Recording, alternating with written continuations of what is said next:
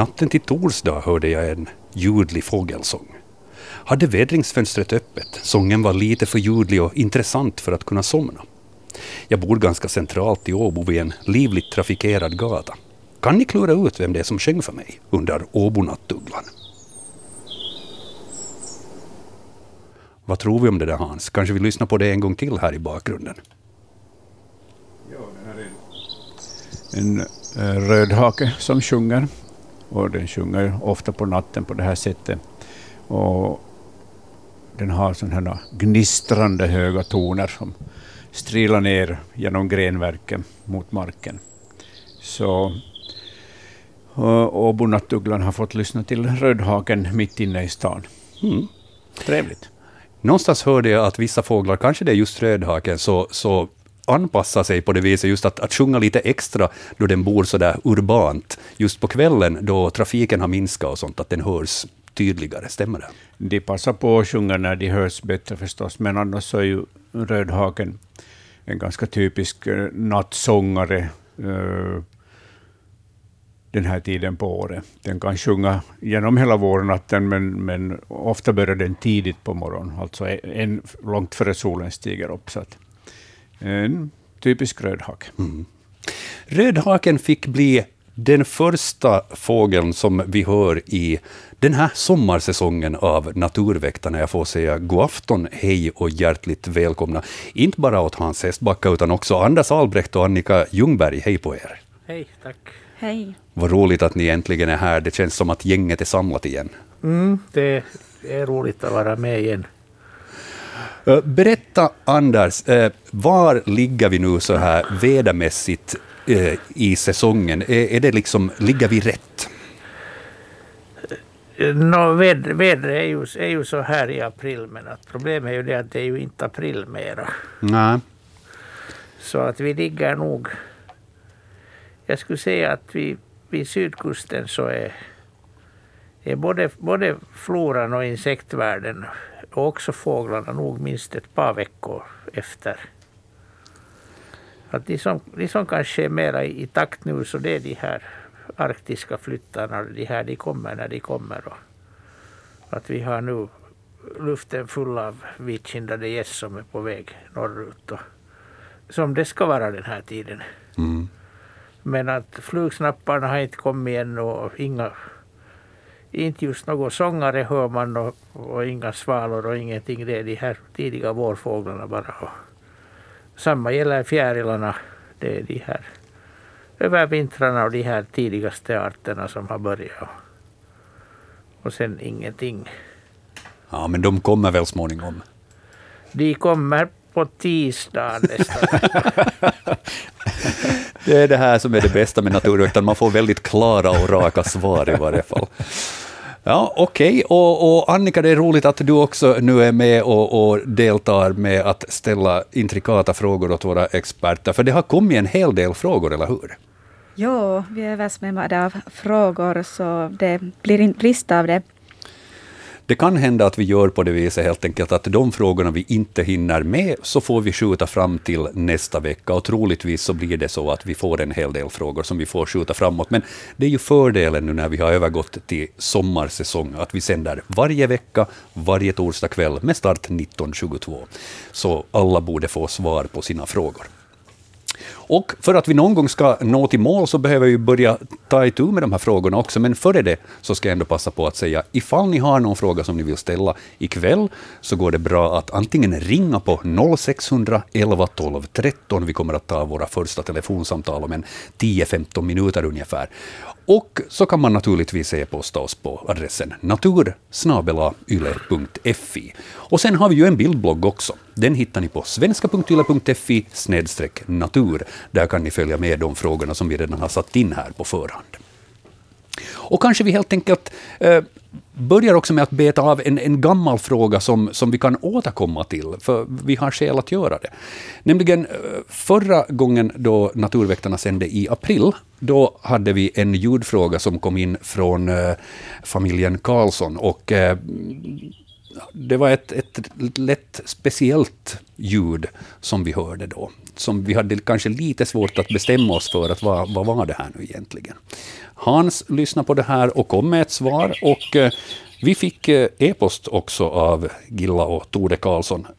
Och de skriver så här. Vi, min man Tore och jag skrev för en tid sedan in till er sedan vi hört och bandat ett ovanligt fågelljud förra sommaren. Vi, ni tog upp fågelljudet i ert program sjunde i fjärde och det var tydligen inte alldeles en lätt nöt att knäcka. Nu har fågeln och dennes kännspakaläte kommit tillbaka till oss. Ikväll försökte vi länge spana och se varifrån ljudet kom, men fågeln försvann långa stunder. Vi var utrustade med både kikare och kamera med långt objektiv, och denna gång hade vi lite tålamod.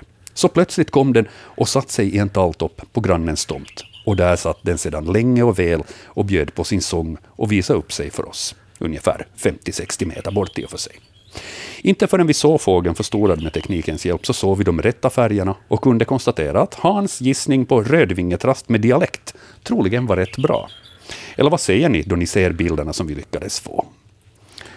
Vi har, vi har den här bilden på bildbloggen. Hans? Jo, visst är det rödvingetrasten. Man ser den här, de här röda armhålorna och sen det här eh, vita ögonbrynsstrecket som den har. Och och melodin och, och, och det avslutande kvittrandet så var ju Rödvingetrast, men det här är då en, en ganska ovanlig dialekt. De kan ju sjunga på, med, i många olika dialekter beroende på var de är födda. Så jag hade inte hört just en sån här dialekt, men att, så det är annars en bra rödvingetrast. Mm. Ja, ja, det här är faktiskt en dialekt som jag brukar höra varje år. Ja. Mm. Under, under flyttningen kommer det no några genom vår gård och så far de norrut. Då. Och tydligen håller de till kring Grönvik i norra Korsholm. Ja. Mm. Ja, jag undrar om de kommer Sibbovägen, men i alla fall, ja. i alla fall det, det varje, varje år kommer det någon sån här. Ja. Mm. Som man, I början hajade jag till, men att för tio år sedan slutade jag att haja till, för det, det hörde till liksom. Ja. Och det, de, de har aldrig blivit kvar.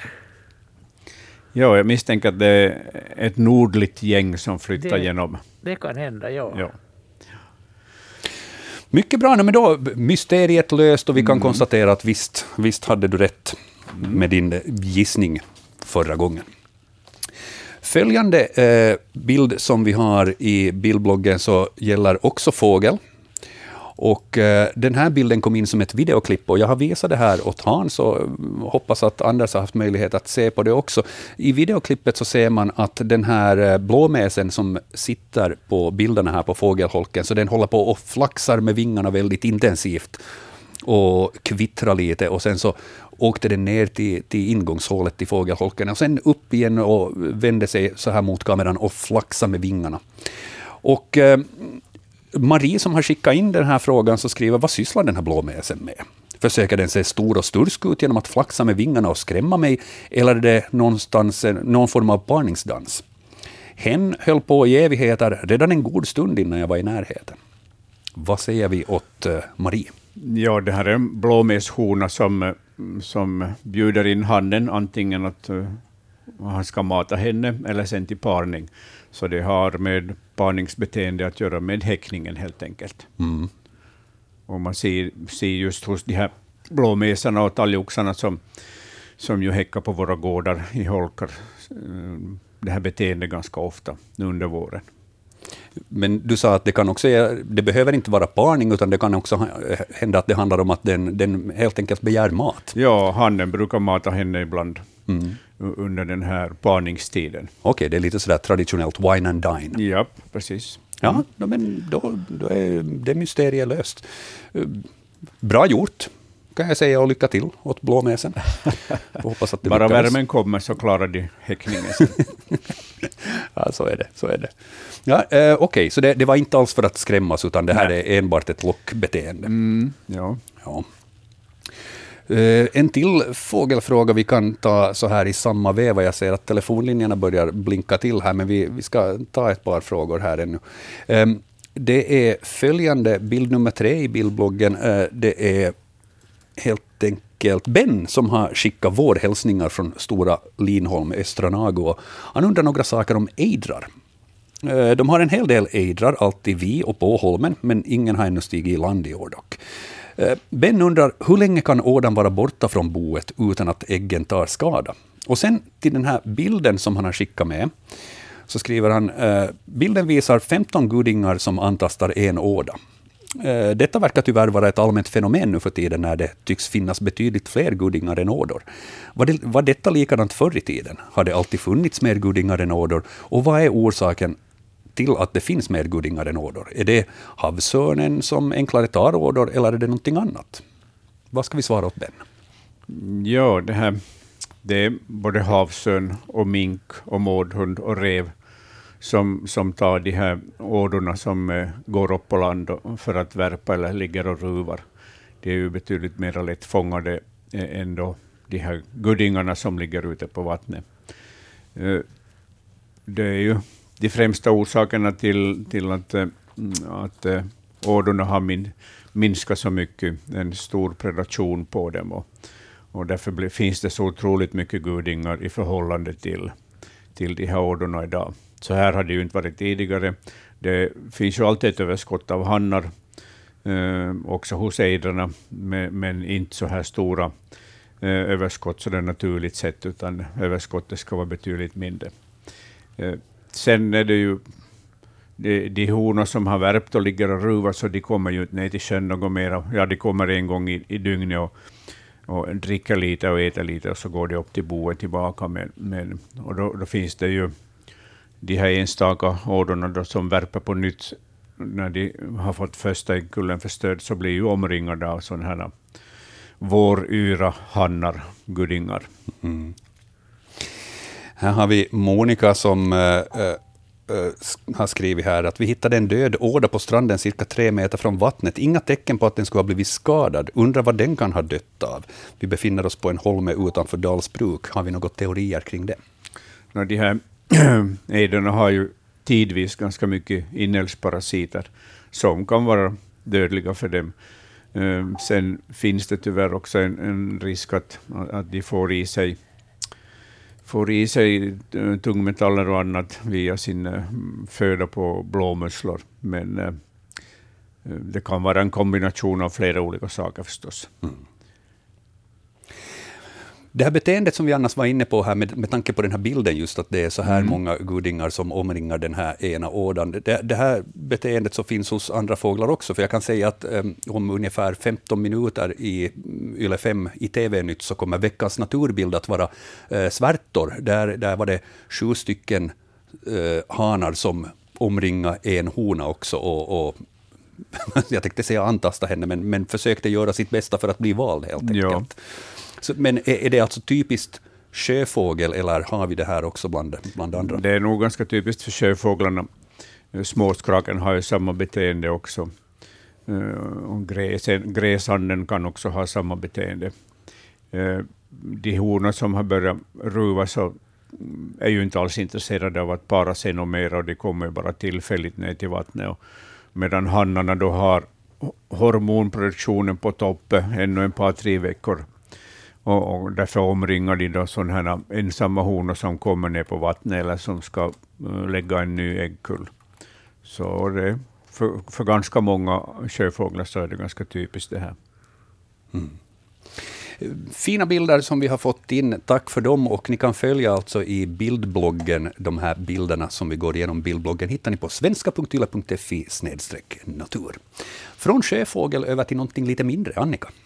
Ja, jag tror vi hoppar upp från, från sjön upp på land och vi har en, eh, någon som kryper omkring på ett, eh, ett vitt eh, blad. Det är lite svårt att se storleken på det här, men det är Eva Törnblad som har skickat in en rörlig kort eh, snutt av någonting. Vi har tittat på den här med Anders. Kan du säga, vad kan det vara?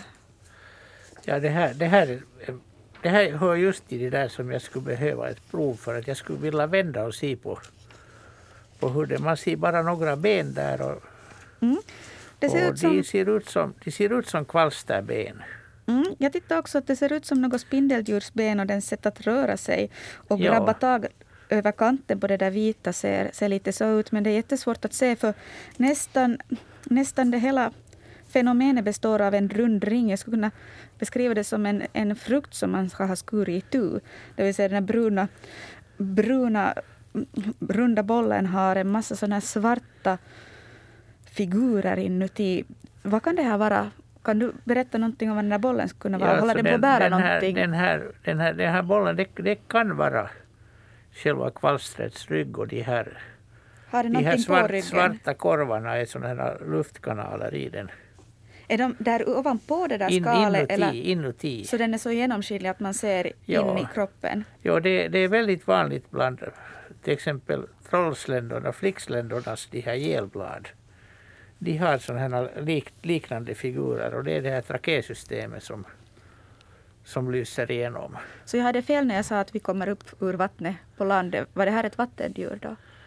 Det är det jag inte vet. Jaha. Uppenbarligen är den på land nu, men den kan vara ett vattendjur ändå. Mm. Det skulle kunna vara bra om Eva lyssnar på oss, att hon skulle kunna berätta var den här har hittats och, och kanske också hur stor den är. Hur stor den är och sen sätta den i en lit, ett litet rör och skicka den åt oss. Ja, det skulle vara det bästa. Ja, ty- tyvärr, tyvärr är det så att sådana här småkryp så ofta så, så det räcker inte med, med foto. Och det, den här kom ju in som en sån här rörlig bild och, och det, innan jag klickade igång den så var jag som så att oj, ja, det ser ju faktiskt ut som någon form av kiwifrukt eller någonting liknande som är liksom skivad. Jo, jo, men den är nog min, mindre än det. Ja, ja, det måste den nästan vara. Och sen så såg jag att det började röra sig ben under den och tänkte att är det någon Ja. som har hamnat i kläm helt enkelt under den här frukten. Men det, är- det är nog väldigt svårt att säga för att de, de som har ryggskölden så här utbredd så den täcker ju alla, alla deras organ, allt det som avslöjar vem det är. Vi får helt enkelt säga att, att Eva, vänligen ifall du hör det här, skicka in eh, kanske fler bilder på den här. Och jag menar, har du lyckats spara den, desto bättre, skicka in den. Och då kan du skicka den på Naturväktarna, Ylevega, postbox 12 00024 Yle. Så ser vi fram emot att titta lite närmare på den. Ja, jag, har, jag har lite böcker också på de här men att de, tyvärr det är tyska böcker och, och för tyskarna så har de ju den tron att, och den övertygelsen att tusen ord säger mer än en bild. Ja, sant, sant. Men nu hade vi ju rörlig bild, men den, den, den, den sa ändå inte oss så hemskt mycket, så det gäller inte alltid det där att en bild säger mer än tusen ord. Då skulle de ha en bild som visar det här just så Ja. här så skulle man känna igen det genast. Nå, det är sant. Det är sant. Men nu är det antagligen beskrivet då på tyska med tusen ord. Så. Ja. Förmodligen. No, men vi, vi får vänta och se ifall Eva hör av sig helt enkelt med den där, så får vi återkomma till den förhoppningsvis. Eh, 20 minuter i jämn timme i Naturväktarna Ylevega. Det är dags att ta sommarsäsongens första samtal, så vi får säga, uh, vi får säga där. God afton. Vem är det som hör av sig? Det är Adi Karmi från Borgo. Jag har bara en kort fråga och jag vill inte komma med i radion. Då- Varför flyger fiskmåsarna på natten och för ett helvetes rådjur? Och hur kör de, flyger dit kollisioner? Det är enda frågan. Mycket bra, då tackar jag för den frågan och ber om ursäkt för att du direkt är med i direktsändning. Så att den här frågan kommer nu att vara med i radio. Okej, kiva. Det är helt okej. Inte spelar roll. Jag tänkte bara att när ni har så mycket andra No, det är sant, men det är en intressant fråga, så vi ska behandla den. Du sa fiskmåsar, du kan upprepa den en gång till. Fiskmåsar, varför flyger de och skriker på natten när det är mörkt? Mycket bra. Eh, Hans eller Anders, vem vill ta den här? Fint. Tack så mycket. Tack så mycket. Tack. Ska jag ta den då emellan? Det kan du göra. Ja, det är, ju, det är ju så att när det blir fuktigt på natten så kommer, kryper dagmaskarna upp i gräset och upp på, på, på åkrarna och, och måsarna jagar dem. Där de är i stora flockar och nappar åt sig. Och, och ni vet när måsar festar så då hörs det. Men så är det. Och då spelar det ingen roll vilken tid på dygnet det är. Det spelar ingen roll vilken tid på dygnet men, men just typiskt, typiskt när det är nästan mörkt så håller de på för att det är ju, det är ju då masken kommer upp. Och, och det där. Man kan ju om man själv går ut och är mycket försiktigt går så, så kan man hitta 20-30 stora dagmaskar per kvadratmeter. Fisk, fiskmåsarna är ju också väldigt eh, sådär ivriga och igång eh, nattetid även i stan, och då är det ju inte bara nödvändigtvis dagmask de är ute efter, men det är väl så helt enkelt att så fort det bjuds på mat så är de aktiva. Jo, jo på, speciellt på morgonnatten så bjuds det ju på allehanda skräpmat. Så är det. Så är det. Och då gäller det att passa på helt enkelt. Men har, har fiskmåsarna någon period så där annars när de liksom lugnar ner sig? Går de att lägga sig nog normalt till natten ändå om inte vankas föda?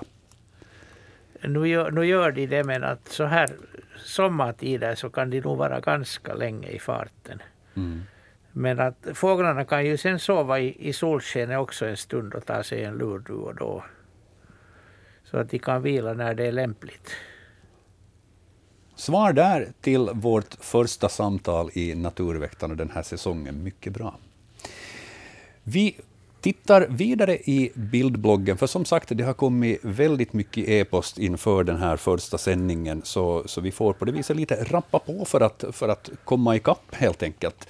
Um, här en fråga som uh, kom in då det ännu fanns snö här i Österbotten, så den är, kom in för en jag tänkte säga för länge sedan, men det är ju inte så länge sedan. Vi hade ju snö här bara för en dryg vecka sedan. Um, det är Asko som uh, har skickat in det här. Min dotter besökte grusdagen vid Asgatvägen i Vasa och hittade följande spår. Vem har lämnat dessa? Det är bild nummer fem i bildbloggen. Och um, i snön så har Askos dotter då fotograferat djurspår. Man ser på närbilden så har hon satt en tändare bredvid för att man ska få någonting att jämföra storleken med där. Och där upplever jag att det är ganska klara sån här kloavtryck. Och spåren ser rätt stora ut. Um, bilden till vänster, där har vi samma spår men lite längre ifrån och då ser man också liksom, vad ska vi säga, spårlängan, eller en del av den i varje fall. Fler tassavtryck längre fram. Um, vad kan vi säga om dessa spår? Vad skulle ni säga att det rör sig om för djur? Ja, det här var, tycker jag, ett knepigt fall. Mm. Ser man på den här spårlöparen på vänster bild, den här övre, så, så liknar det ju ett harspår. Lite har, slarvigt harspår. Men sen när man ser på, på de, här, de här kraftiga kloavtrycken till höger här och, och tändaren som är bredvid, så visar det sig att, att den, här, den här tassen är kanske 10 centimeter lång, inklusive klorna. Ja, jag har inte riktigt blivit riktigt klok på, på den här spårlöparen. Det är lite, lite stort, men att jag, ja. jag svårt att tänka mig något annat än hare i alla fall. Mm, ja. Det är ju, spåren ser ju inte så färska ut och då, då snön smälter så har ju spåren tendens att bli lite större här förstås. De, de vidgas ut, ja. Ja, de kan ju vidgas ut mycket ifall de smälter uh, mycket under ja. dagens lopp. Så. Mm. Och det är tunt med snö så att klorna har, den, det har spärrat i ordentligt så det har liksom rivit upp. Mm. Mm. Rivit upp. Hur lång är en tändare? Den är ungefär fem centimeter. Ja, fem, någonting så sånt. Det är, tio, no, det är nu fälthars storlek mm, egentligen. Mm, ja. Ja, det, det är lite knepiga, tycker jag, det här, men, men man kan få in lite ett och annat i det här. De här, de här stora spåren med de här otroligt tydliga kloavtrycken. Men, men det här hoppspåret som finns sen längre fram, som visar ju att det är en hare. Som det, det kan nog ingen, ingen annan imitera. Nej. Trots att det inte är ett sådär riktigt typiskt haravtryck som man lär sig i scouthandboken. Nej, men... Jag tror att den har gett en ordentlig avstamp med bakbenen här. Ja. Så att klorna har tagit i och så har de glidit bakåt lite och, och förstorat de här klomärkena. Mm vi, jag tycker att det där låter som en, en, en vettig förklaring till varför spåren ser ut som de gör, så jag tror vi, vi låser det svaret. Ja. Kan man säga om det är skogshare eller fälthare? Jag tycker storleken tyder på fälthare nog. Ja. Mm. Då, då, då säger vi det helt enkelt. Hälsningar till Asko. Fälthare, så som det ser ut. Och eh, från de spåren över till andra spår. Annika? Ja, nu kommer vi närmare mina hemtrakter. Det är Dorrit i Esbo som hittar avföring på ett spännande ställe. Det ligger i väcket mellan vindrutan och motorhuven på bilen. Och vill man se hur det här ser ut så hittar man ju bild på vår bildblogg. Eh, men det där um, det här är nog svårt att beskriva hur de här lortarna ser ut. Det ser ut som en lång korv som består av små bitar. På längre avstånd ska jag kunna titta att det är någon slags eh, ekollon eller någonting annat. Men eh, bilen står alltså för det mesta i en carport, skriver Dorrit. Kan det vara något djur som kommit in under tak för att utföra sina bestyr? Eller är det ett hyss gjort av ungdomarna i grannskapet? Jag, jag tror att hon har bestämt alldeles rätt det här hysset. Det tror jag också. mm. Man har inte riktigt klart med storleken, men jag tycker konsistensen påminner ju närmast om älg. Ja, det, det ser lite ut, tycker jag, också som hundavföring som, som har ätit torrfoder. Ja, det kan hända. Ja, jag, har, jag har inte upplevt hundar med torrfoder. Mm. Det, kan, det känner man på lukten nog. Ja, sen, sen finns det förstås den möjligheten att det är eh, hästspillning.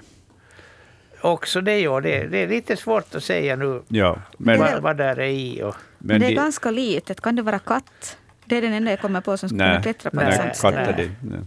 Nej, nu, nu kan älgen klättrar ju ofta upp på motorhuven. men inte för att uträtta sina behov, vad jag vet. Ja. Eh, katter däremot så brukar ju trivas på motorhuven så här på bilar. Ja, ja men, men de, de, de, ska nog gräva ner sitt. Ja. Och katten har en annorlunda avföring. Men, men den här avföringen här så den består ju av åtminstone tre olika delar som är radade efter varandra. Här. Ja. Ja. Ja, nej, jag, jag tror nog på det där huset. Att det, ja. det är Emil som har varit bakom. det är inte en hund utan det är hysse. Mm.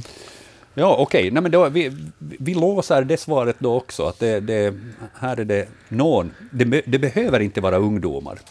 Nej, det kan vara, för all del. Det kan vara åldringar också. Man vet aldrig nu för tiden.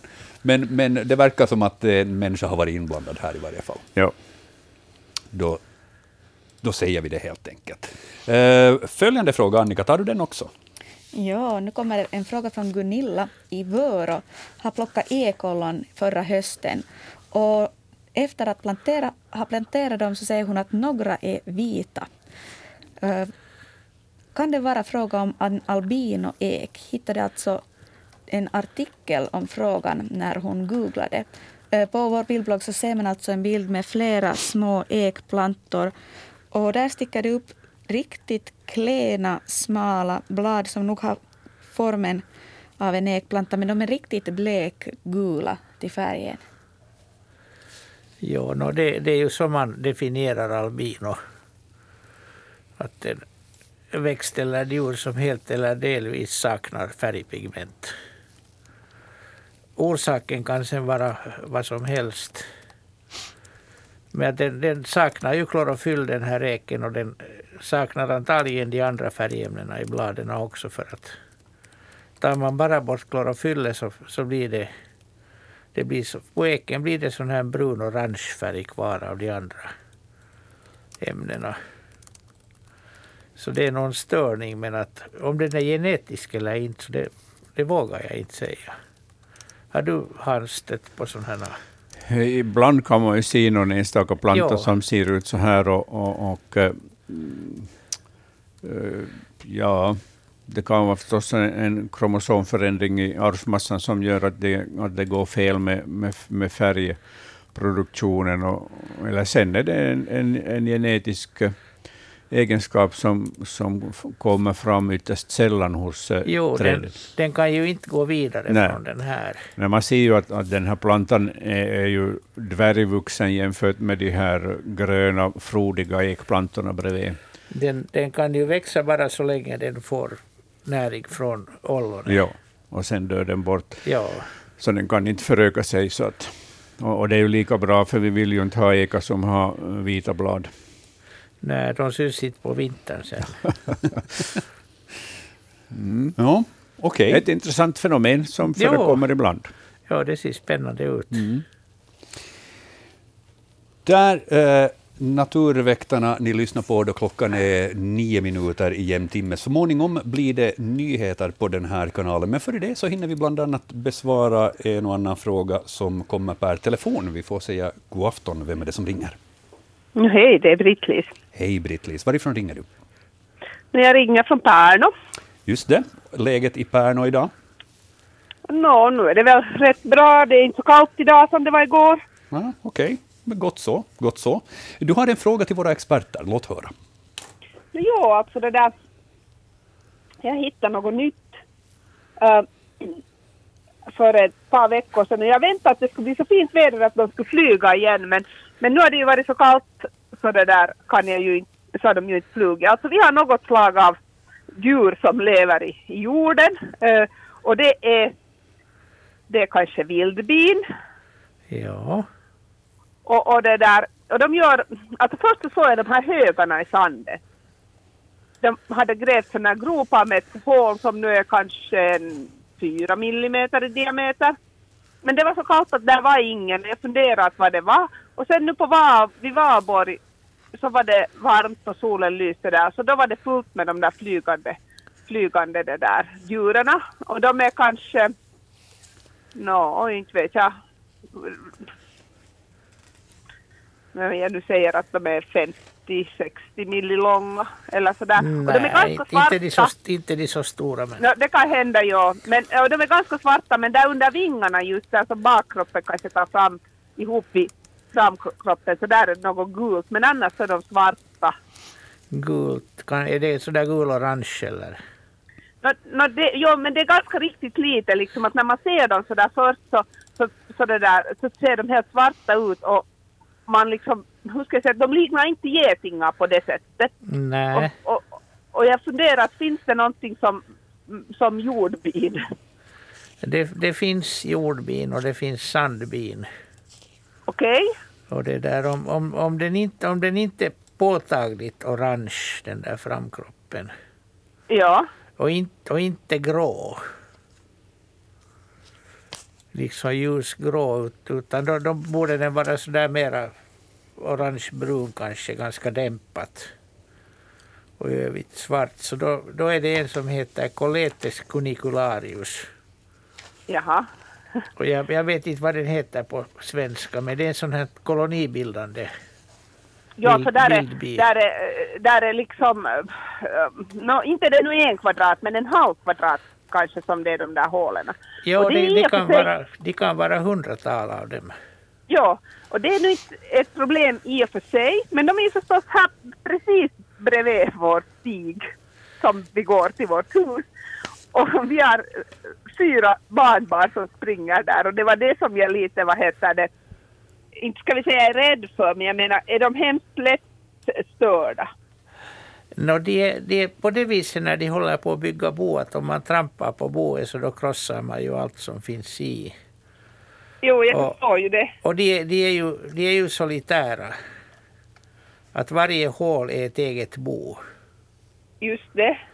Så att de, de bildar en koloni och det sköts då av en, en hona som fyller det med, med det där nektar och pollen. Mest är det ju från vide och tussilago de tar. Fyller Ja, det och, och lägger ägg i det och sen murar hon igen det. Och så gräver Ja. följande och hon kan orka med ett tiotal sådana här under våren. Okej. Så det blir ganska många.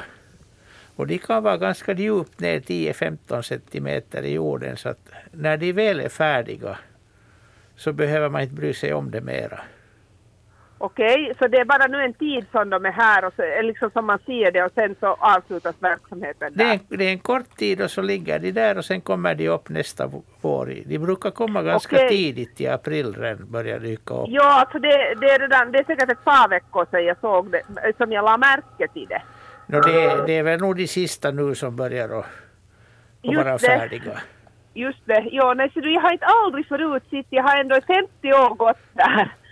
Ja. lite till. Och jag har aldrig upptäckt det där tidigare. Men nu helt plötsligt en dag så började jag titta, att vad i all världen är det där? Och när de inte flög där, men det berodde säkert på att det var så kallt just då. Och sen nu på, på det där lördagen var det väl, där det var varmt och fint väder, så Så då såg jag vad det var som var där, men jag hade ingen aning om, jag visste att det var inte alkmask och jag visste att det var inte myrlejon, men jag kunde Ja. inte veta vad det var. De har, de har fått lite brått nu när det har varit kallt. Och, och det där det. vi- viden har blommat medan det har varit kallt och nu har de brått att få ihop så. Just, just. Ja. Nej, jag bara hänt- tänkte just liksom... Ja. Ja, har det hänt någonting med det där området? Har ni gjort någonting åt det? Nej, nej, det har nog alltid varit så där. Det har nog alltid varit. Där växer... Nå, jag vet inte om det är höstfibblor eller vad det är för...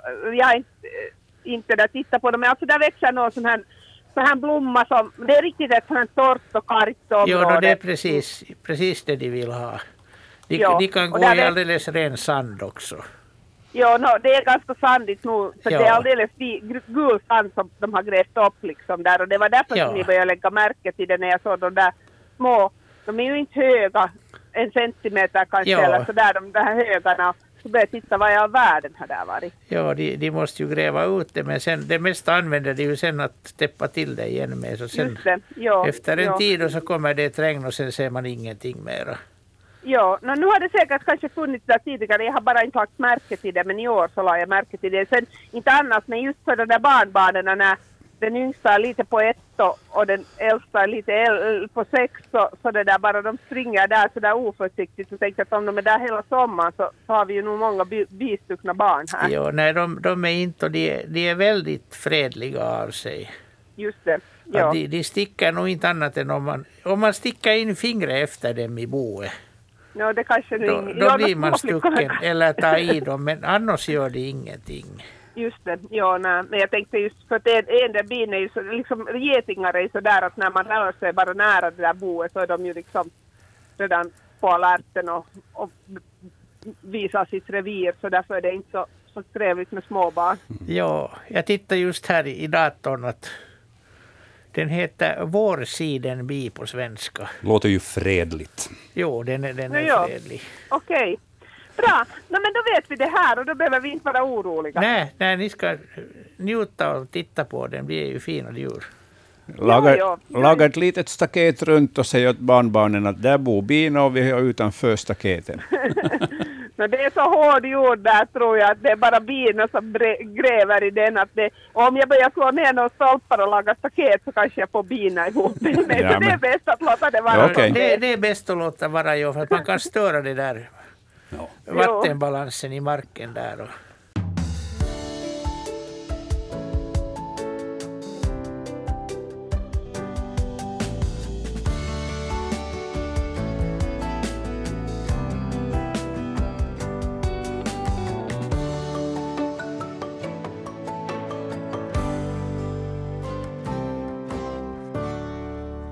Vi har alltså kört igång sommarsäsongen igen, så nu sänder vi varje veckas torsdag mellan 19.22 och 21.00. Experter ikväll Hans Hestbacka och Anders Albrecht, programledare Annika Ljungberg och jag Joakim Lax. Tekniker i Böle är Anne Heikkila. Välkomna med allihop. Ni som sitter här i studion och gör mig sällskap, och också ni framför radioapparaterna. Det är ni som gör den här sändningen genom att skicka in frågor till oss på Naturväktarna. E-postadressen är natursnabelayle.fi, telefonnummer 0611 12 13 och ifall man vill skicka ett paket, ett brev eller vykort, då går det bra att göra det på Naturväktarna, Ylevega, postbox 12 00024 Yle. Vår, eh, vad hette det, vårsidenbin, det talade vi om här senast. Vad var det det hette på latin? Det var så fint. Colletes cunicularius. Just det. Då tycker jag vårsidenbin är lättare. Då håller vi oss till det. Det var intressant teori du hade, Hans, om att man bygger staket runt. Ja, man, det finns ju sådana behändiga, låga äh, trädgårds, äh, gröna trädgårdsgaller som man får köpa i rullar. Och det är bara att sätta ut en ring runt det här området, så kan få de området vara i fred och barnbarnen förstår att det där området ska man inte trampa på nu just. Mm. Jag kom att tänka på sådana här modelljärnvägar, sådana Märklin-tåg där det finns allt man behöver för att göra ett sånt här bisamhälle till en stad. Ja. Ja, men visst. Um, Det här med annars, eh, på tal om stad och, och samhällen och insekter och sånt, det här med insektshotell, det var ju väldigt mycket på tapeten under förra sommaren, men det är ju minst lika viktigt det här året också, eller hur? Ja, de, de måste bara göras rätt. Kan du ge några snabba tips på hur man ska göra det De, rätt? Då? de, det, det är inte så jättefiffigt att göra sådana här jättestora hotellkomplex. Mm. Det blir bara konkurrens och det blir, det blir för lätt för parasiter att hitta. Och, utan i, i små portioner. Göra små, små stubbar man borrar de här hålen i och sätter vasstrån. Och, och så ska man se till att de är öppna bara i ena ändan. Att det har en del av de här hotellen haft, att de är öppna i båda ändarna och då vill ingen gå i dem. Och sen måste de läggas ut så att temperaturväxlingarna inte blir för stora. Så att det, det liksom ska inte vara sådär hård sol och sen skugga genast efter det. Och, Nej, de får vara mycket, gärna på torra soliga marker men de får vara lite i skugga vid, vid något träd eller buske eller någonting så att de inte är inte är i stark sol. mm. Kanske skydd, skydd för middagssolen. Vilken tid på året är det man ska sätta ut de här? Är det nu, genast? Det, man kan sätta vilken tid som helst. Det finns, det finns de som börjar bo sommaren igenom. Så att jag, jag, skulle, jag skulle sätta nu om jag skulle hinna göra. Vi, vi, ska, vi ska hoppas att den här trenden håller i sig med insektshotell, för den Ja. var på god väg förra sommaren och, och förhoppningsvis så sätter folk ut fler sådana i år också. Ja, när jag har stressat med fågelholkar i år och han inte blir färdig. Spettarna gör, tar koll på dem på tre år. Ja. Ja, då, får, då, får man, då får man stå i och laga nytt. Man får hålla på hela tiden, ja. Men i små portioner, sa du. Ja. Och mera kringspritt och, och inte så där hemskt koncentrerat. Mm. Det, det, de ser ju väldigt trevliga ut men att det, det blir lätt en sån här verkan sen att det samlas, samlas parasiter där som ju har ett dukat bord för sig. Och det är ju inte meningen. Som de är i naturen, de bor en här och en där. Då trivs de bra. Mm. Och en del bor i små kolonier som de här sidenbina. Och det ska de själv få bestämma hur de gör. Ja, det, det där med att sprida ut dem så löste jag i fjol höstas på, på skärren. Eh, Jag tog borrmaskin och så gick jag omkring och borrade hål i, i, den här, i strandbordens stockar och stubbar och sånt där. Och, och på det sättet spred jag ut en massa sådana lämpliga bohålor åt dem. Så det är precis just så som man ska göra. Det, det ska jag rekommendera alla. Vi ska om ett tag i Naturväktarna ska vi fortsätta med alla de frågorna som vi har fått in. Men det är ett par saker som jag bara kort vill behandla innan det, och sen en sak som vi kommer att behandla eh, under en lite längre tid innan vi fortsätter med frågorna. Nämligen, för det första, eh, den stora älgvandringen, den håller ju på ännu. Och den kan man följa på arenan.yle.fi och det är ju den här Eh, livesändningen från Sverige, Kullberg vid Ångermanälven, där älgarna har vandrat i tusentals år över det här samma stället, vadat över eh, älven där och sen tagit sig till fastlandet för att gå då till, till sommarbetesmarker. Och eh, den här pågår ända fram till söndagen. Nionde i femte, det är den sista dagen som man följer den stora älgvandringen. I fjol förlängde man den stora älgvandringen för att folket krävde mera, men nu har man bestämt att nej, vi kommer att avsluta livestreamen från den stora älgvandringen den 9 i femte. Just nu så är det 26 älgar som har gått över älven och i bild så så ser vi två stycken älgar eh, som har lagt sig ner ganska nära kameran. En står och betar och längre bort så ser man två, tre stycken till som, som har en liten siesta och väntar och samlar krafter helt enkelt för att ta sig över älven. Det har varit ganska mycket dramatik. Det har varit älgar som har fallit genom isen och fått kämpa för sitt liv för att komma upp där. Här nyligen så hade man tagit eh, vid de här vattenkraftverken som finns längs med Ångermanälven, så hade man helt enkelt satt stopp så att eh, vattnet nästan rann bort helt. Så älgarna kunde vada nästan torrskodda över. Mycket har hänt med andra ord. Följ gärna den stora älgvandringen på arenan.yle.fi. Där kommer ni väldigt nära älgarna. En annan sak som vi har haft på gång på naturfronten här, eh, både på finska sidan Yle Luonto, men också här vi på svenska sidan Naturväktarna och eh, natursidorna som vi har på webben, så det är tävlingen Naturviskaren där vi efterlyste då folk som kan härma djur och eh, kanske speciellt fåglar, men även andra djur var okej. Okay. Tävlingstiden tog slut den 30 i fjärde och det kan jag säga att nu jobbar juryn med att lyssna igenom alla de som har kommit in, alla de bidrag vi har fått och det har varit fantastiskt fina bidrag. Folk har varit väldigt duktiga på att härma tjäder, till exempel en spelande tjädertupp genom att trumma på, på halsen vid, vid adamsäpplet för att få det här kluckande ljudet. Och, och vi fick in en jättefin fiskmås här också. Och, och det har varit gammal som ung som har deltagit i den här tävlingen. Men tävlingstiden är som sagt avslutad. Nu ska juryn titta igenom alla bidrag och sen så är det folket som avgör vem är det som blir årets naturviskare. Vi får återkomma till det där i Naturväktarna om ett par veckor. Men redan nu så ska vi bjuda på Johan Thornberg som är naturguide i Jakobstad. Och eh, han kommer att eh, tala om hans passion, nämligen att eh, härma ugglor.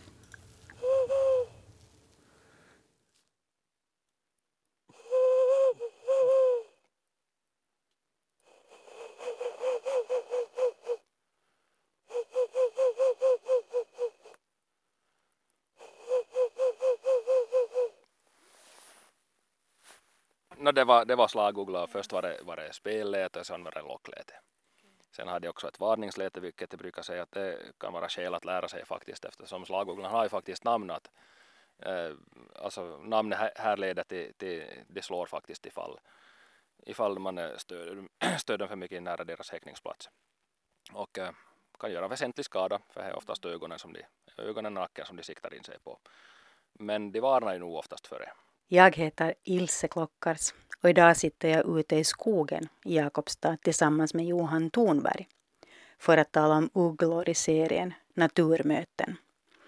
Johan är naturguide och jobbar med att ta ut människor i naturen.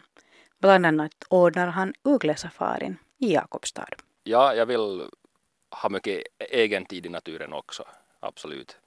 Eh, men så är det nog också någonting, jag delar det väldigt gärna med andra också. Så att det är en, en fin balans där att, att bara att umgås i, i, naturen och sen också att uh, sprida kunskap om naturen och så vidare. Så att.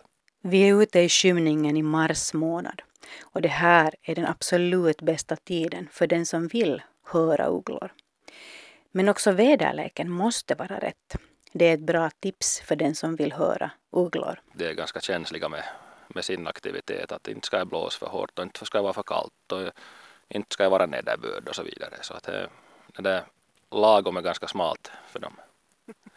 Men att man kan ju alltid referera till andra fåglar också. Att regnar det så är det tyst med, med annan fågelsång också. Samma sak med stormar också, så inte hör man fåglar då heller. Att det är förstås både orsaken att för det första så är det tyst och skulle de ha lite ljud så kommer det inte höra sig till vinden heller. No, hur skulle du beskriva den här hur ser det ut liksom med ugglor här i Jakobstadsregionen, där var du rör dig? Uh, finns här mycket ugglor? Här finns ja, ja faktiskt. Um, ganska stor artrikedom och, och, och, så vidare. Ja, här finns bra med ugglor här. Om vi tar liksom det här vanligast så om vi börjar, börjar i den ändan så häromkring är det slaguggla nästan säkrast kortet. Följt av pärluggla och sparvuggla. Sen kommer det med, ska man ha lite mera tur men dock inte allt för mycket tur så får man nog också berguv, kattuggla stryker omkring nu som då lappuggla har förekommit. Uh, hökuggla har förekommit de här senaste åren helt skapligt.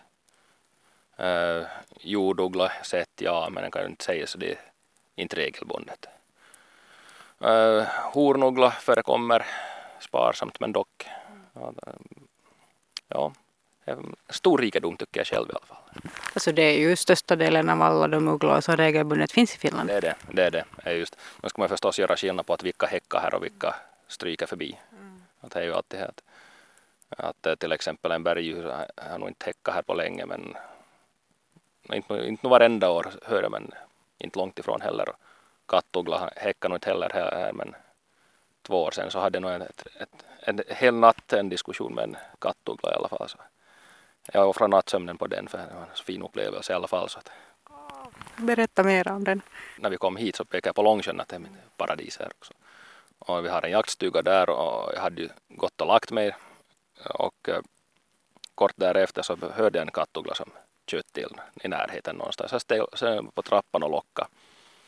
Och snabbt kom den och satt i trä bredvid stugan.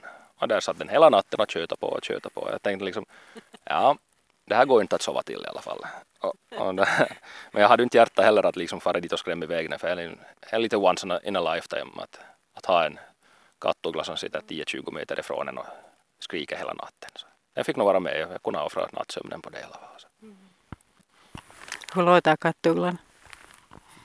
Vill alltså ha ett smakprov på det? Mm. Ja, okej. Okay. Beror på om instrumentet är stämt i det. Mm.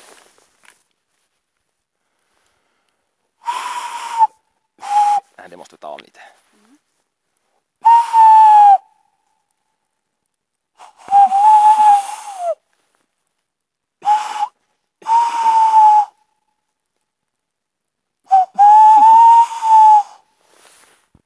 Hur kommer det sig att du har lärt dig att, att härma dem så här skickligt?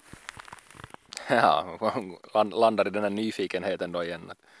Att det här det är inte, inte bara ugglor, de flesta fåglar så försöker jag på ett eller annat vis. Och det hänger förstås väldigt mycket ihop med jakten också. Det är, är effektivt att locka på fåglar. Både sjöfåglar och skogsfåglar och allting. Och där ska man förstås ha, ha sin eftertanke med sig också. Att se till att man jagar hållbart i alla fall. Att man inte beskattar fågelstammarna för mycket bara för att man råkar vara en skicklig lockare. Men hör du, så där från att du första gången provade härma en, en, en uggla. Hur länge tog det tills att du fick något svar? Det är inte jättekräsna med att det ska vara eh, perfekt ljud. Eh, liksom, själv är jag nog ganska kritisk till mitt lockljud också. Att, att det låter nu inte kanske så, så naturtroget många gånger men ändå funkar det. Att eh, det, beror, det beror väldigt mycket på också att hur på hugget det är också. Liksom ett, om, att om, man, om man ser till häckningen i vilket skede är det och så vidare. Att, är de, är de väldigt stridslystna eller är de väldigt sökande efter artfränder och så vidare. Så går, det, går det bättre eller sämre. Men som sagt, jag har haft jag har lyckats med, med väldigt krassa lockanden också. Hur många olika, alltså vilka ugglor kan du härma? Hur många kan du? Mm. Enklast att få ditåt så är kanske pärluggla. Mm. Uh, och uh, salaguggla delvis men det blir, jag, jag får inte till den rätta basen i det blir onödigt hjält men här, här kan, vissa hanar kan ha ganska hjält ljud också så här, här brukar funka, det räcker för mig i alla fall. Mm. Uh, sparvuggla är ju världens lättaste, det kan nog till och med då. Kan du låta som en sparvuggla? Så låter en sparvuggla ungefär.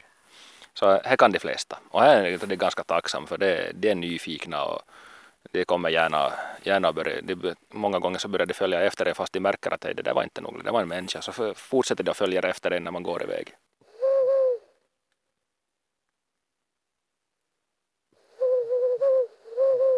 Och så hör vi mitt i allt en slaguggla på avstånd.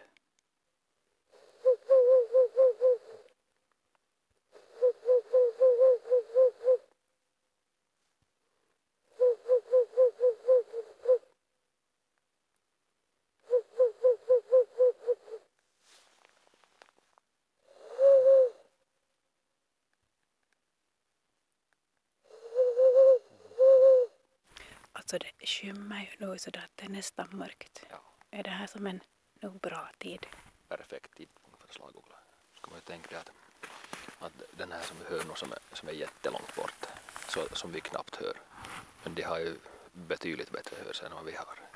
Så att uh, han, den hör garanterat vårt lock, fast vi knappt hör den dit långt bort.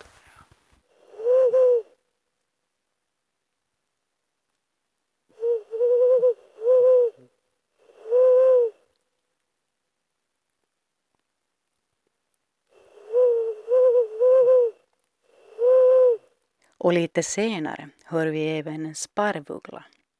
För att inte tala om reven som skäller och en massa djurspår som syns överallt i nysnön. Jag undrar hur ofta får Johan faktiskt höra ugglor när han är ute i naturen? Om, om, om det är gynnsamt väder och så det vidare så ja, hälften av gångerna ungefär. Som sagt, men att det, hela januari så är regel tyst. Kanske någon börjar där slutet i januari så börjar det höras, någonting och så vaknar sig an, an efter februari lider så blir det mera och mera. Det är väl kanske en del av charmen att du kan aldrig veta ifall du hör någon eller inte. Absolut, ja, ja, här skulle nog tappa, tappa ganska mycket tjusningen om man skulle vara som att man, man får det på beställning. Är det okej okay alltså att, att, att härma ugglor? Så där, det används ju av fågelbångar också att spela upp liksom fågelljud och sådant och det är väl lite sådär, åtminstone där funderar man ju nog på att när är det liksom motiverat att göra det och när är det inte. Hur, hur liksom resonerar du kring det? Ja, no, här just det, alltså, här kräver ju en, en hel del kunskap i att förstås att när ska man locka, hur mycket ska man locka och så vidare. Att, som sagt, måtta med allt verkligen. Att, att är man osäker så låt bli då. Häckningen är känslig och det är ju inte fåtal, det är ju inte, alltså det finns ju inte mycket ugglor på det sättet så att eh, därför är det viktigt att lyckas för de som finns. Så att eh, en, en häckning kan man förstöra relativt enkelt bara med att för mycket aktivitet i, i, i reviret deras med oljud och, och ljus och annat, annat noise och så vidare. Så, att, så att det är alltid det att eh, ge dem, ge dem frid också. Att, att, som jag sa det också med, med lockande att ja, lockar nu som då så är väl inte, inte någon riktigt stor skada av det men att om jag nog liksom har allt för mycket liv i luckan där så, så kommer det nog att börja stödja dem. Så säger naturguiden Johan Thornberg i Jakobstad. Du har lyssnat till serien Naturmöten och jag som tog dig med på uggletur heter Ilse Klockars. Och fler sådana här naturmöten kommer vi att bjuda på i Naturväktaren här under, Naturväktarna här under sommaren. Och eh, han var ju duktig på att härma ugglor. Ja, han klarade det bra. Mm. Och roligt att få svar också på det där viset. Men precis som han var inne på, man, man ska vara lite försiktig när man lockar så att inte man stör häckning till exempel för olika fåglar. Ja, det är ju klart, de vill ju ha sitt revir i fred för, för sitt eget liv. Ja. Och plötsligt kommer det någon i mänsklig skepnad och agerar medtävlare där. Ja, ja, det kan bli lite råddigt för dem nog. Ja, lite småknepigt. Mm. Mera som sagt eh, om dylika naturmöten, det kommer vi att höra här under sommaren i Naturväktarna, som ju faktiskt då också fyller 50 år ska vi inte glömma bort. Den 17 juni så ska vi uppmärksamma det här lite extra, att det här programmet såg dagens ljus 1971. Men mer om det där sen senare. Nu ska vi ägna oss åt de frågorna som vi har fått in till den här veckan och eh, försöka besvara så många som möjligt. Um, vi var eh, tidigare inne på små insekter, nu är, det, nu är det små andra saker som vi har i bildbloggen framför oss. Bild nummer åtta är vi framme vid. Det är Hitis-sälarna som har skrivit det här. Vi har hittat detta bajs från många öar runt Hitis-skärgården, men har inte kommit fram till vilket djur det är frågan om. Hoppas ni kan hjälpa oss med det här. På kvällarna och nätterna hörs det ljud från närmaste skygg runt huset. Ljudet är inte något litet, det liknar steg, för man hör något som kvistar som brakar. Och så hade lämnat den här spillningen. Hans, Anders, vad säger ni? Hans kanske börjar. ja, jag skulle säga det är Åke Sork. Eh, beroende lite på eh, hur vi kommer till eh, att hur vi lyckas mäta den här spillningen.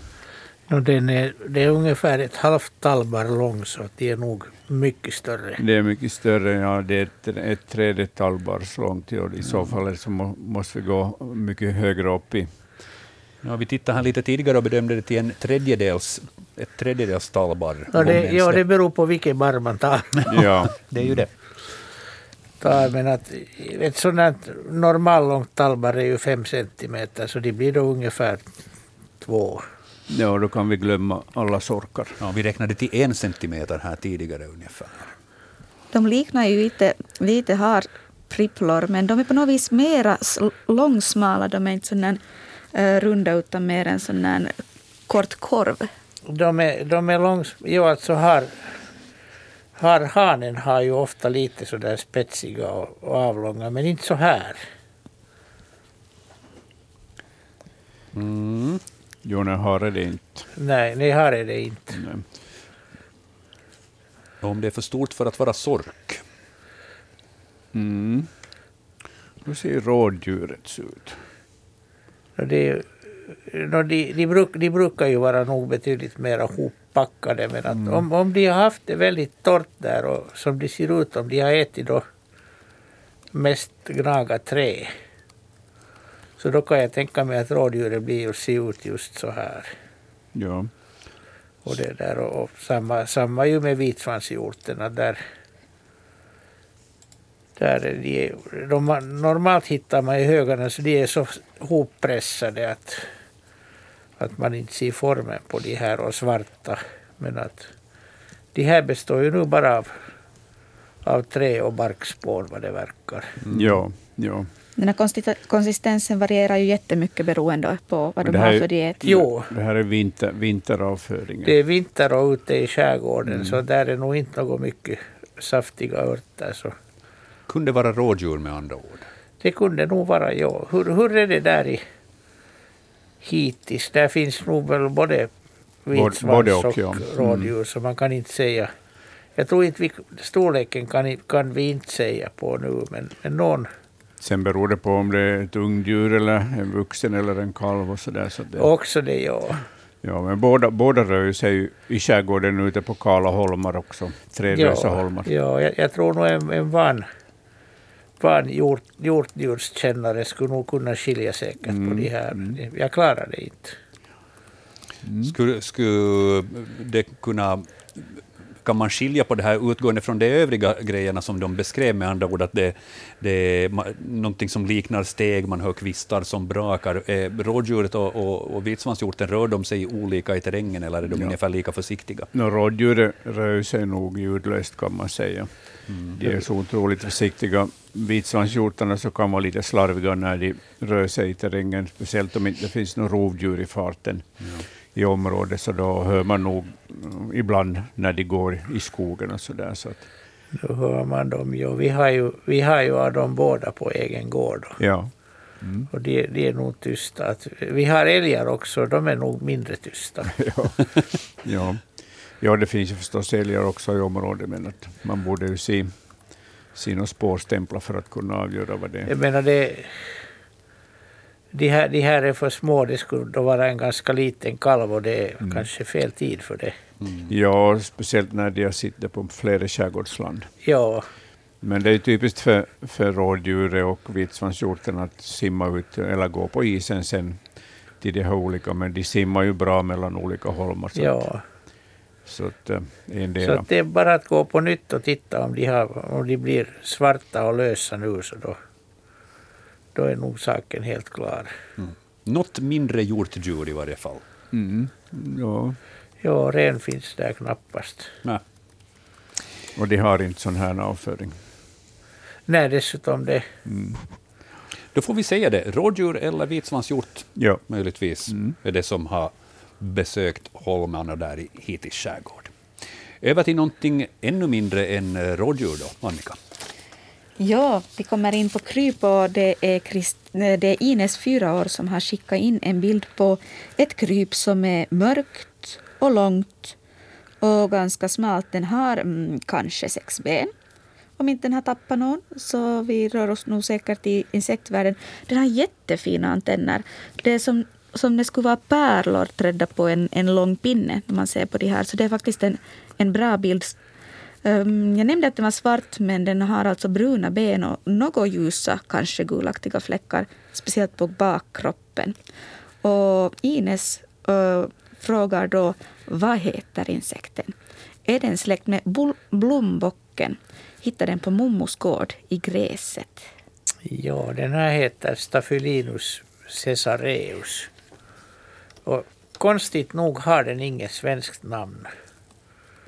Men att på finska heter den keisarinlyhytsiipi. Och det, det är en av våra absolut största kortvingar. Att den, är, den blir ungefär 2,5 centimeter lång. Alltså större än de här rådjuren vi tittade på på förra bilden. Eller avföringen.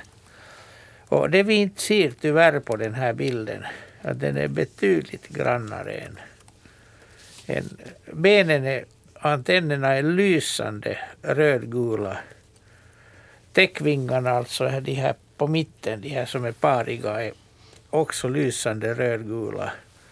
Och de här vita triangelformade fläckarna som man ser här och lite på huvudet. Så det är fläckar som består av sådana här silverglänsande hår. Den är alldeles otroligt vacker. Ja, nu säger jag att man, ni ska inte gå in på bildbloggen och titta på den här bilden. Ni ska lyssna på Anders vackra beskrivning. Ja, ni kan, ni kan sen googla på, på Staphylinus caesareus. Vi kan väl döpa den Anders till kejsarkortvinge. No, det är ju det att vi borde inte göra det. Men det, det är antagligen det det kommer att döpas till, bara svenskarna hinner. Ja. De är inte så intresserade av de här svenska namnen. I Finland har man ju alltid varit, velat göra finska namn på allt som finns. Ja. Men att gå och titta på den. Vi har, vi har två andra arter också. Väldigt lika. Och de är, de är ganska svåra att skilja från varandra. Men det här är den, den vanligaste. Och den är nattljus, att man ser den väldigt sällan på dagen. Men om man går ute och med ficklampa på natten så där på längs åkerkanter och ängsstigar och så där så hittar man den ganska ofta. Och på dagen kan man gräva fram den under, under löv och stenar och så där. Så den, den, är, den är faktiskt vacker. Så gå nu alla som har en dator, gå och googla på, på den här Staphylinus caesareus så ser ni någonting vackert. Det var inte helt enkelt att skriva det rätt helt enkelt. F1 ska alltså vara ett PH. Staphylinus. Jo, jo jag, annars påpekar jag alltid om det ska vara jag, jag, jag googlade många gånger innan jag fick det rätt. Men, men kort vinge, och det, det, ser man ju på bilden att den har ju väldigt korta Jo. vingar som tittar fram där. Så att vacker är den. Det kan jag hålla med om. Vacker är den, ja. Och sen är det ju eh, på ganska långt håll släkt med blombocken. Nå, väldigt långt, men i Ja. alla fall nog släkt. Ja. släkt. Och den är ett, ett glupskt rovdjur. Dessutom. Jo. Mm. Så att tar man i den så ska man vara lite försiktig. Den, inte, inte äter den upp en, men det, det kniper nog till ordentligt. Ja, Okej, det kan vara bra för Ines att veta. Ja. Vi har fått en till fråga av en, av en lite yngre naturväktare också. Eh, följande fråga är en åttaårig pojke i Jakobstad som hittade den här delen av ett ben i närskogen. Och frågan som hela familjen då sen har lurat på länge är vilket djur kan det tänkas komma ifrån? Eh, trogna eh, åttaåriga lyssnaren som har skickat in de här bilderna Eh, jag satte in tre bilder av alla de som vi fick in på den här benbiten. Och så har de fotograferat med en tändsticksask bredvid och det är jättebra för då får vi en ungefär angivelse på hur stor den här biten är. Man kunde också använda sig av brädorna som är uppskattningsvis kanske 95 millimeters virke, jag vet inte. Eh, Men tändsticksasken är kanske bättre att, att Och använda sig av. kaninen är en 30 cent. Jag satt just titta på öronens storlek. Är det en kanin eller en, en hare? Men, men det- kanske vi ska lämna den här en tändsticksasken. kanin. Ja, nu talar vi om kaninen som är avbildad på tändsticksasken för att förvilla lyssnare som inte har bildbloggen framför sig. Men, men den här benbiten, kan vi på något vis lyckas luska ut varifrån den kommer? Den kommer från köttdisken i, i någon, någon lokal market, skulle jag säga. Jag försöker uppfatta vad, åt vilket håll och hur det här kan ha tänkas vara. Är det här delen av ett ben? Det, det är en del, ja. jag, jag undrar om den är från, från höftleden. eller Ja, jag någonstans. tror det också. Det, det ser ut så, som det skulle komma från höf, höftleden. En av bilderna som vi inte har här i bildbloggen, så där, där är liksom benet faktiskt ganska väl kapat. Då man ser liksom, vad ska vi säga, inre delen av, av benet. Så det kanske det lutar mot det här som Anders är inne på. Att det inte är nödvändigtvis avtuggat, utan det kan ju vara kapat vid köttdisken. Jag, jag, jag tror nog att det har, det, det har kommit från, från grillfesten. Ja, Hur stora djur kan de ha tänkats grilla? Den här är ju nog jättestor, men jag känner nog inte till höftbensstorlekar heller så jättebra. Nej, men att om de nu har grillat en hel oxe till exempel. Så, Som man ju gör. Som man ju gör på sommaren, ja. Åtminstone känns det så ibland när man grillar för hela släkten. ja. Nej, Jag kan bra tänka mig att det är en, en nötkreatursben. Då är det helt enkelt det som vi får hälsa till vår trogna åttaåriga lyssnare, att det förmodligen kommer från, från ko. Det är vad vi tror, i varje fall. Knepig fråga, och intressant fråga på det viset. Roligt då, då vi får sätta experterna riktigt på... Nu tänkte jag säga potta, men inte var ni ju på pottan inte. Det var bara en svår fråga. Jo. Mera djurrester ska vi titta på. Vi har eh, fått in en hel del sådana här i bildbloggen nu härnäst. Um, följande eh, så har Mia skickat in, hon skriver, vi har sommarstuga på cirka, en, cirka 10 hektars ö i östra Esbo skärgård, fyra kilometer från fastlandet. Ön heter Årdholmen och är bebodd på somrarna men tom på vinterhalvåret. På ön har det funnits rådjur i flera år och det bor också mårdhundar och havsörn på ön och mink har även också setts. I våras då stugsäsongen öppnades eh, så hittade de två rådjurslik på ön. Rådjuren var uppätna och endast benbitar fanns kvar av dem. Nu funderar vi, vilket djur är det som kan bita sönder rådjurets ben på det här viset? Och så har de skickat in fyra stycken bilder. Och där ser man helt klart att, att eh, benpiporna har blivit avtuggade så som det ser ut. Vad säger experterna om det här? Vad är det för djur som gör på det viset? Nå, varg och rev ligger ju närmast till hands. Uh, lodjur tuggar inte på ben. Inte. Och hundar finns ju också. Hundar förstås, ifall det har varit några hundar där ute i skärgården, men jag tror inte det. Inte. Uh, Det beror på vilken skärgård. Ja, vad står öst, det? östra Esbo. Östra Esbo. Östra Esbo finns Fyra det kilometer nog, från fastlandet. har nog folk Ja, hundar på sina sommarstugor. Så. Så det kan det de också. kan ju Det kan det också vara, ja. Ja, men jag tror att det är antingen lo eller varg som har jagat de här rådjuren. Förmodligen lo, Mm. som ju gärna söker sig ut i skärgården på vintern. Och, men nu gör, det- nu gör vargarna det också. De jagar ju, båda, båda två jagar ju gärna rådjur. Ja, vi har ju haft båda sorterna här i, Ja. i sydkusten. De är inte alls så, inte, inte alls så oväntat. Men typiskt hunddjur på det viset, att liksom Ja, tugga de här benen. ja lo, lon, så, fast den är, slår rådjur och vitsvanshjortar så, så den äter ju bara av, mjukdelarna. Det är sällan de tuggar på benen.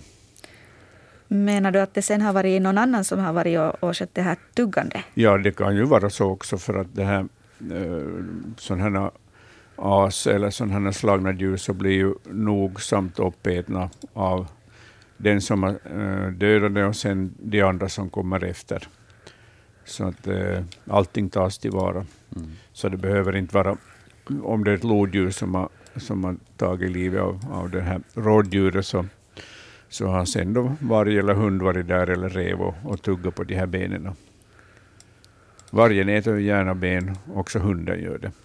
Och reven gör det också. Och rådjurets ben, eh, rådjur är ett litet djur så att, så att nog klarar reven av att tugga på de här benen. Mm. En fråga som tangerar det här har vi också fått in, den följande i bildbloggen. Det är Gunnel som eh, skriver, vi besökte sommarstugan ute på en liten ö nära Tvärminne och hittade mitt på berget ett, eh, ett ben av ett rådjur eller vitsvanshjort. Flera delar av djuret hittades inte. Månne öarna haft besök av en varg eller är det ett lodjur som varit framme? Det var ju några veckor is ut till yttersta skärgården. Och så har vi två bilder då på på det som är kvar av, nu kan jag inte säga om det här är bakben eller framben, men, men här är inte benet avtuggat på det viset. Eller? Ja, nej, det, det mjukdelarna så är, så är bortätna härifrån. Och, Så på basen av det så kan man ju tänka att det är lo.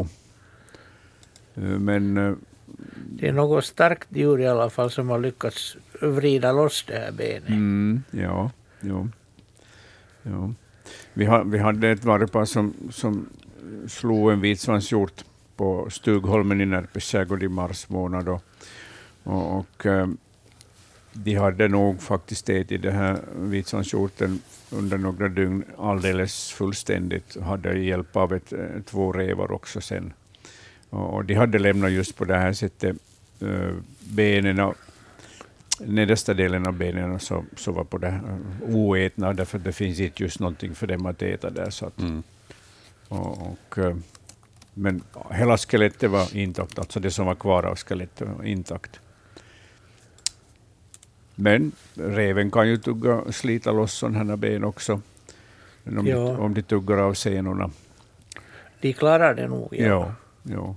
Mm, både den här, de här bilderna som Gunnel har skickat och Mias bilder som vi behandlade tidigare så har ju både päls kvar och en, en bit av klöven. Så den här pälsen är en sån ganska vacker ljusbrun färg och, och klöven är sen riktigt eh, mörk, nästan svart.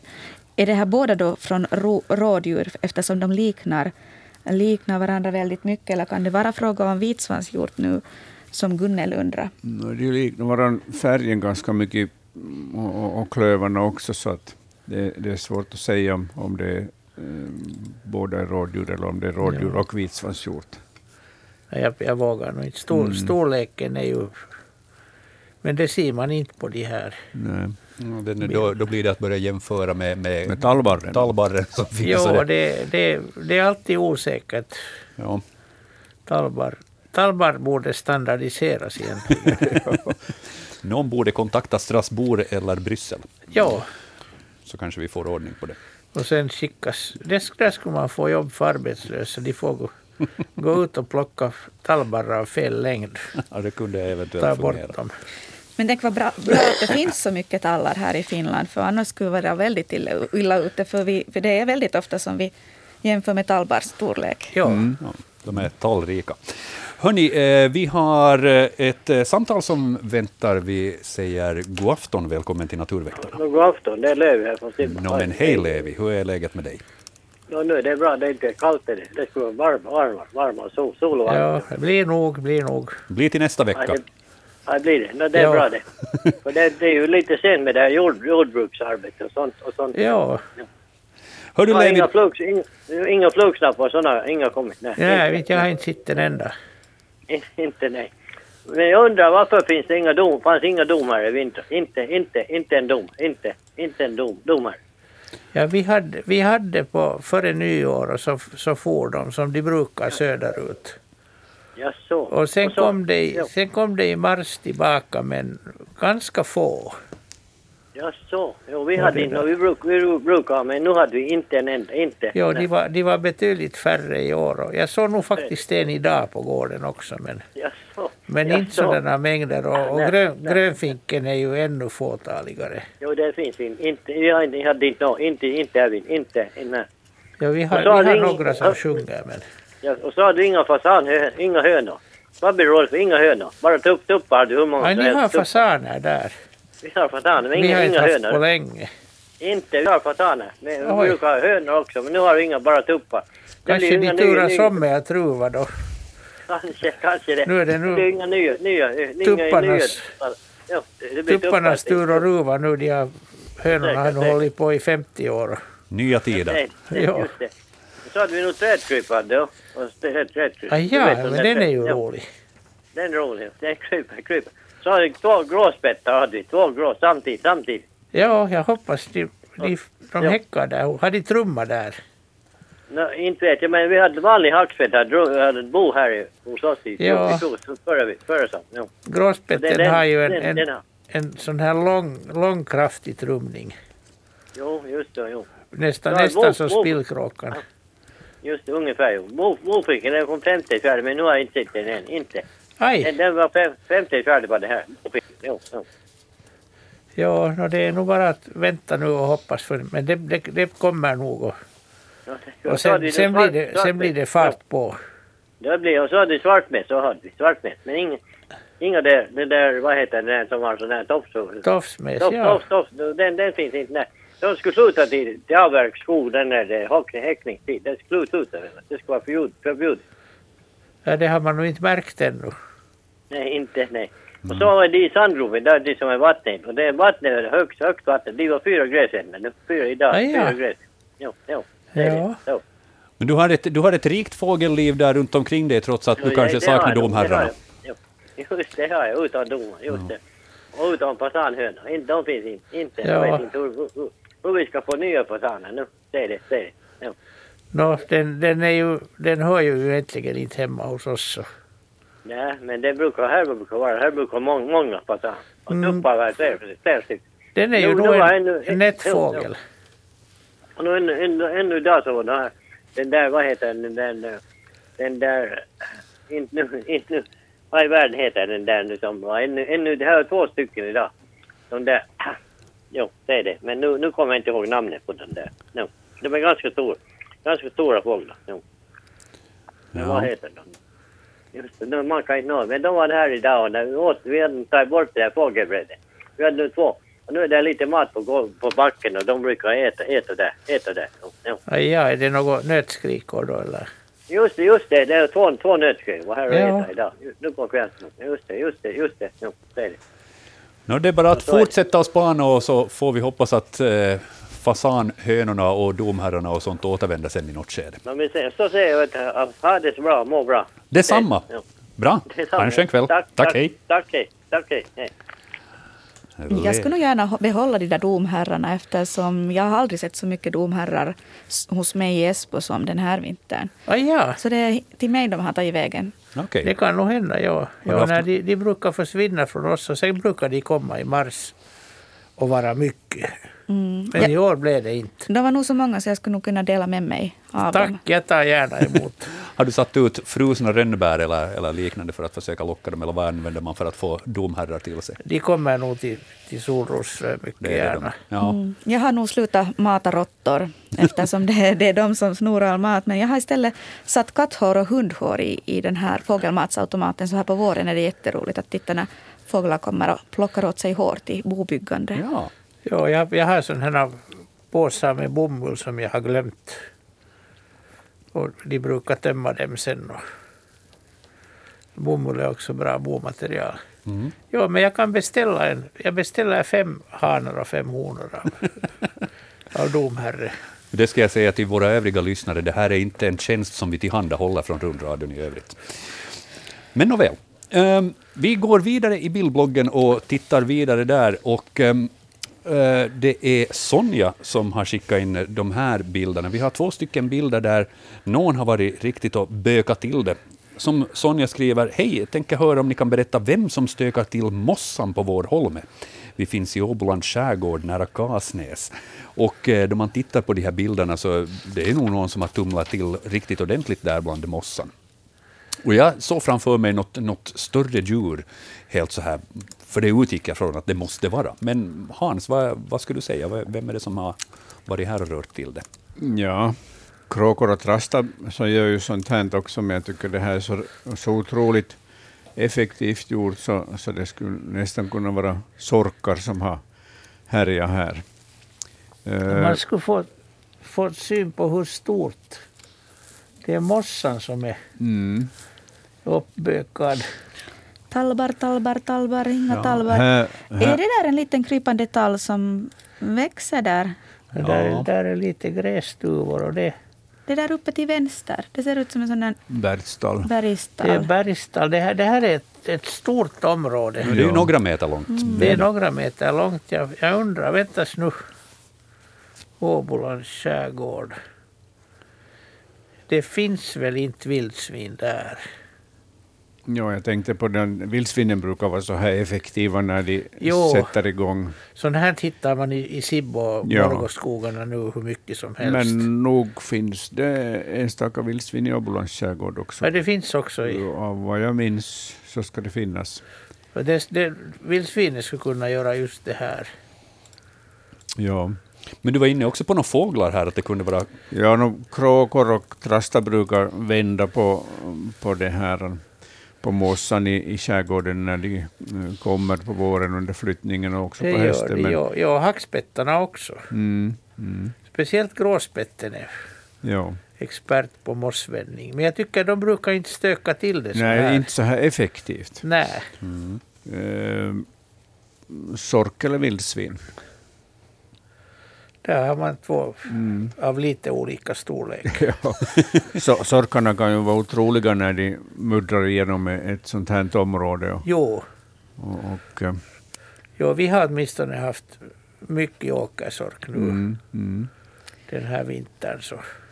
Men utgående från de här bilderna kan vi inte direkt säga huruvida det är ett stort eller litet djur, utan det, det, det är från ena ytterligheten till den andra. Men tänkte är det, är det sork så finns där Mm. Ja, sorkavföring i riklig mängd.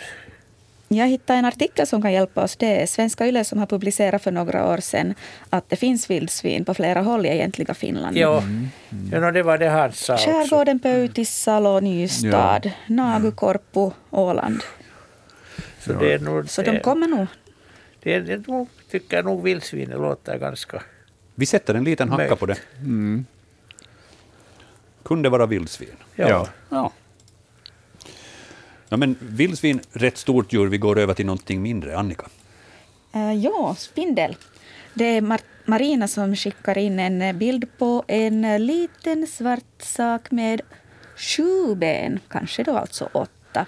Vad för slags spindel är det här? Dess bakkropp var cirka fem millimeter i diameter och spindelns färg mörkbrun.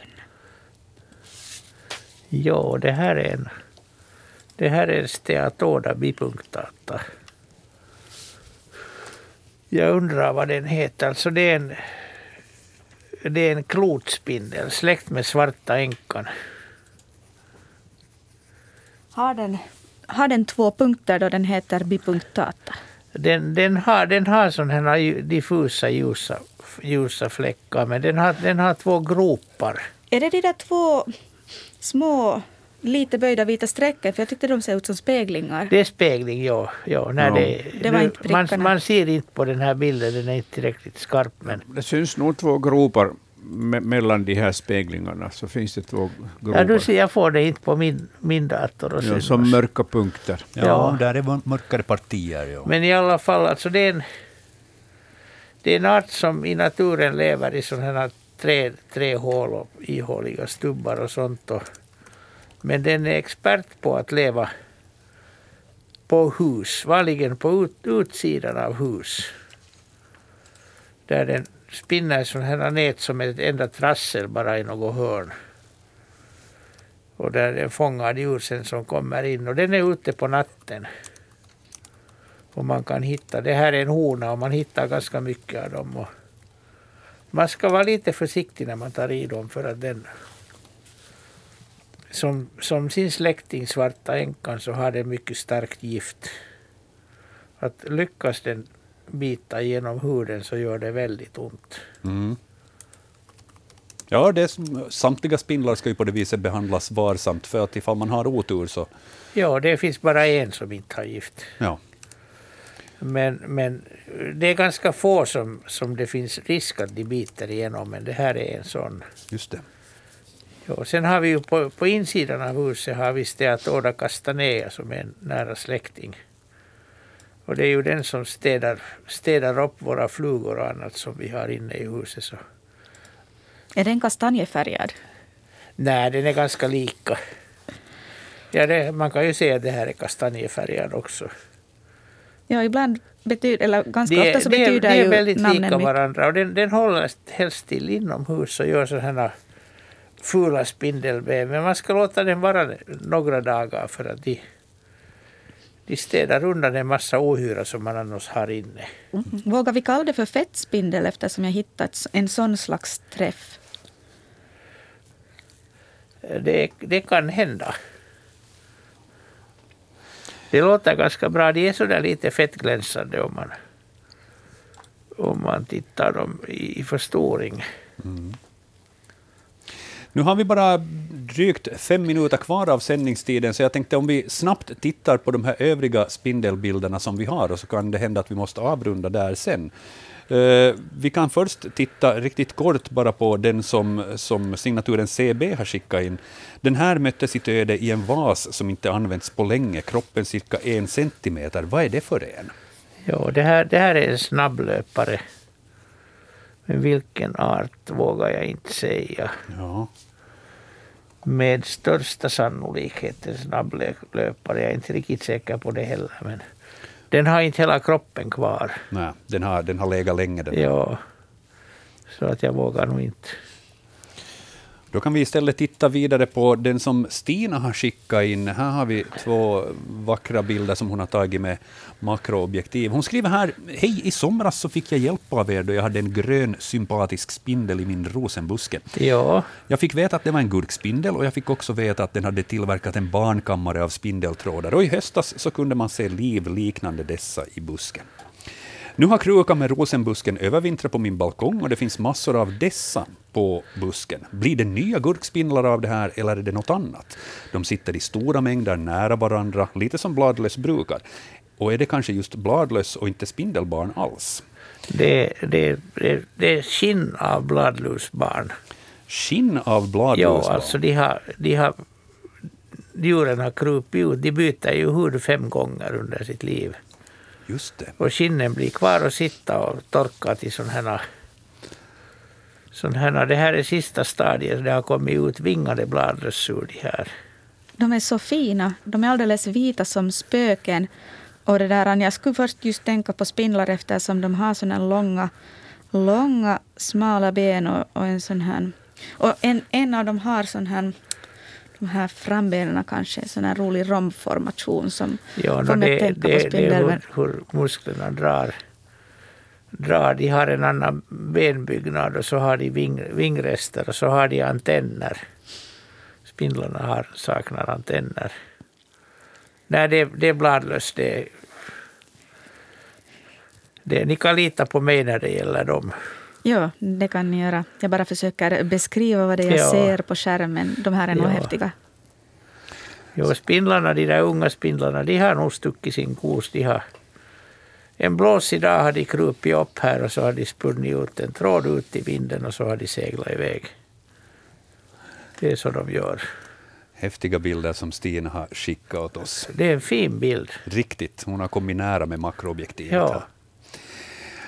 Uh, vi har alltså ja, tre minuter sändningstid. Vi ska ta en enda fråga till och vi sållar här snabbt och, och tar den som som Lena hade skickat in. Hon skriver, då vi nu i april tämjde fågelholkarna så hittade vi ett bo som såg lite ovanligt ut. Bobygget bestod enbart av torrt gräs som var fint formad runt holkens botten. Och i holken fanns också en grön tallkott. Holkens botten är 8 gånger 8 cm och öppningens diameter 3 cm. Holken finns på vår villatomt vid havet i Socklot, hälsar Lena. Två bilder på bildbloggen. Ett, det här torra gräset som är ett litet bo och sen bredvid har vi fågelholken. Vem är det som har byggt det här boet? Eh, det här är nog, skulle jag säga, dvärgmusens bo. Inte en fågel, vad jag vet. Nej, nej, fågeln, nej det ser nog inte ut som fågel. Det, det är inte ett fågelbo, men dvärgmusen använder just sådana här torra, uh, torra gräs när den väver ihop sitt bo och, och uh, bygger dem gärna i håligheter och då duger ju en holk också. Och, och dvärgmusen finns ju, finns ju ända upp till ja, drygt Uleåborg. Så dvärgmusen har byggt ett bo här spännande tycker jag, att ja. den har valt att, att det, är, det är spännande. bosätta sig i fågelholken. Ja, men det kretsar gärna. Ja. Är det då också dvärgmusen som har tagit in den här gröna tallkotten? Eh, det tror jag, ja. Som mat eller leksak? Ja, kanske i misstag. ja. ja kan, kan, kan den ha tänkt gnaga på den också? Ja, det är... I hopp om att hitta något frön mm, i. Ja. Mm. Den är ju en gnagare. Ja. Jag har tagit med någonting sött och gott. Ja. Det där tror jag får bli den sista frågan vi besvarar i Naturväktarna den här torsdagskvällen. Men misströsta inte, vi har kört igång sommarsäsongen, så nu hör ni Naturväktarna varje torsdagkväll här i Yle Vega mellan 19.22 och 21.00. Eh, jag får säga stort tack till våra experter ikväll, Hans Hestbacka och Anders Albrecht, och tack också Annika Ljungberg för hjälpen här, och eh, Anne Heikkila som har skött det tekniska i Böle.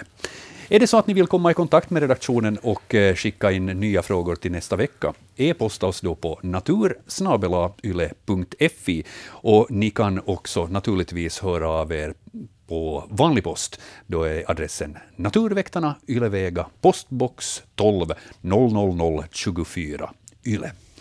Och eh, vi hörs alltså nästa vecka och jag vill rikta ett speciellt stort tack till alla er som har suttit vid radioapparaterna. För utan er ingen sändning och ni kunde ha gjort vad som helst den här kvällen, men ni valde att lyssna på oss och det är vi alltid lika tacksamma för. Mitt namn är Joakim Lax. Jag säger hej.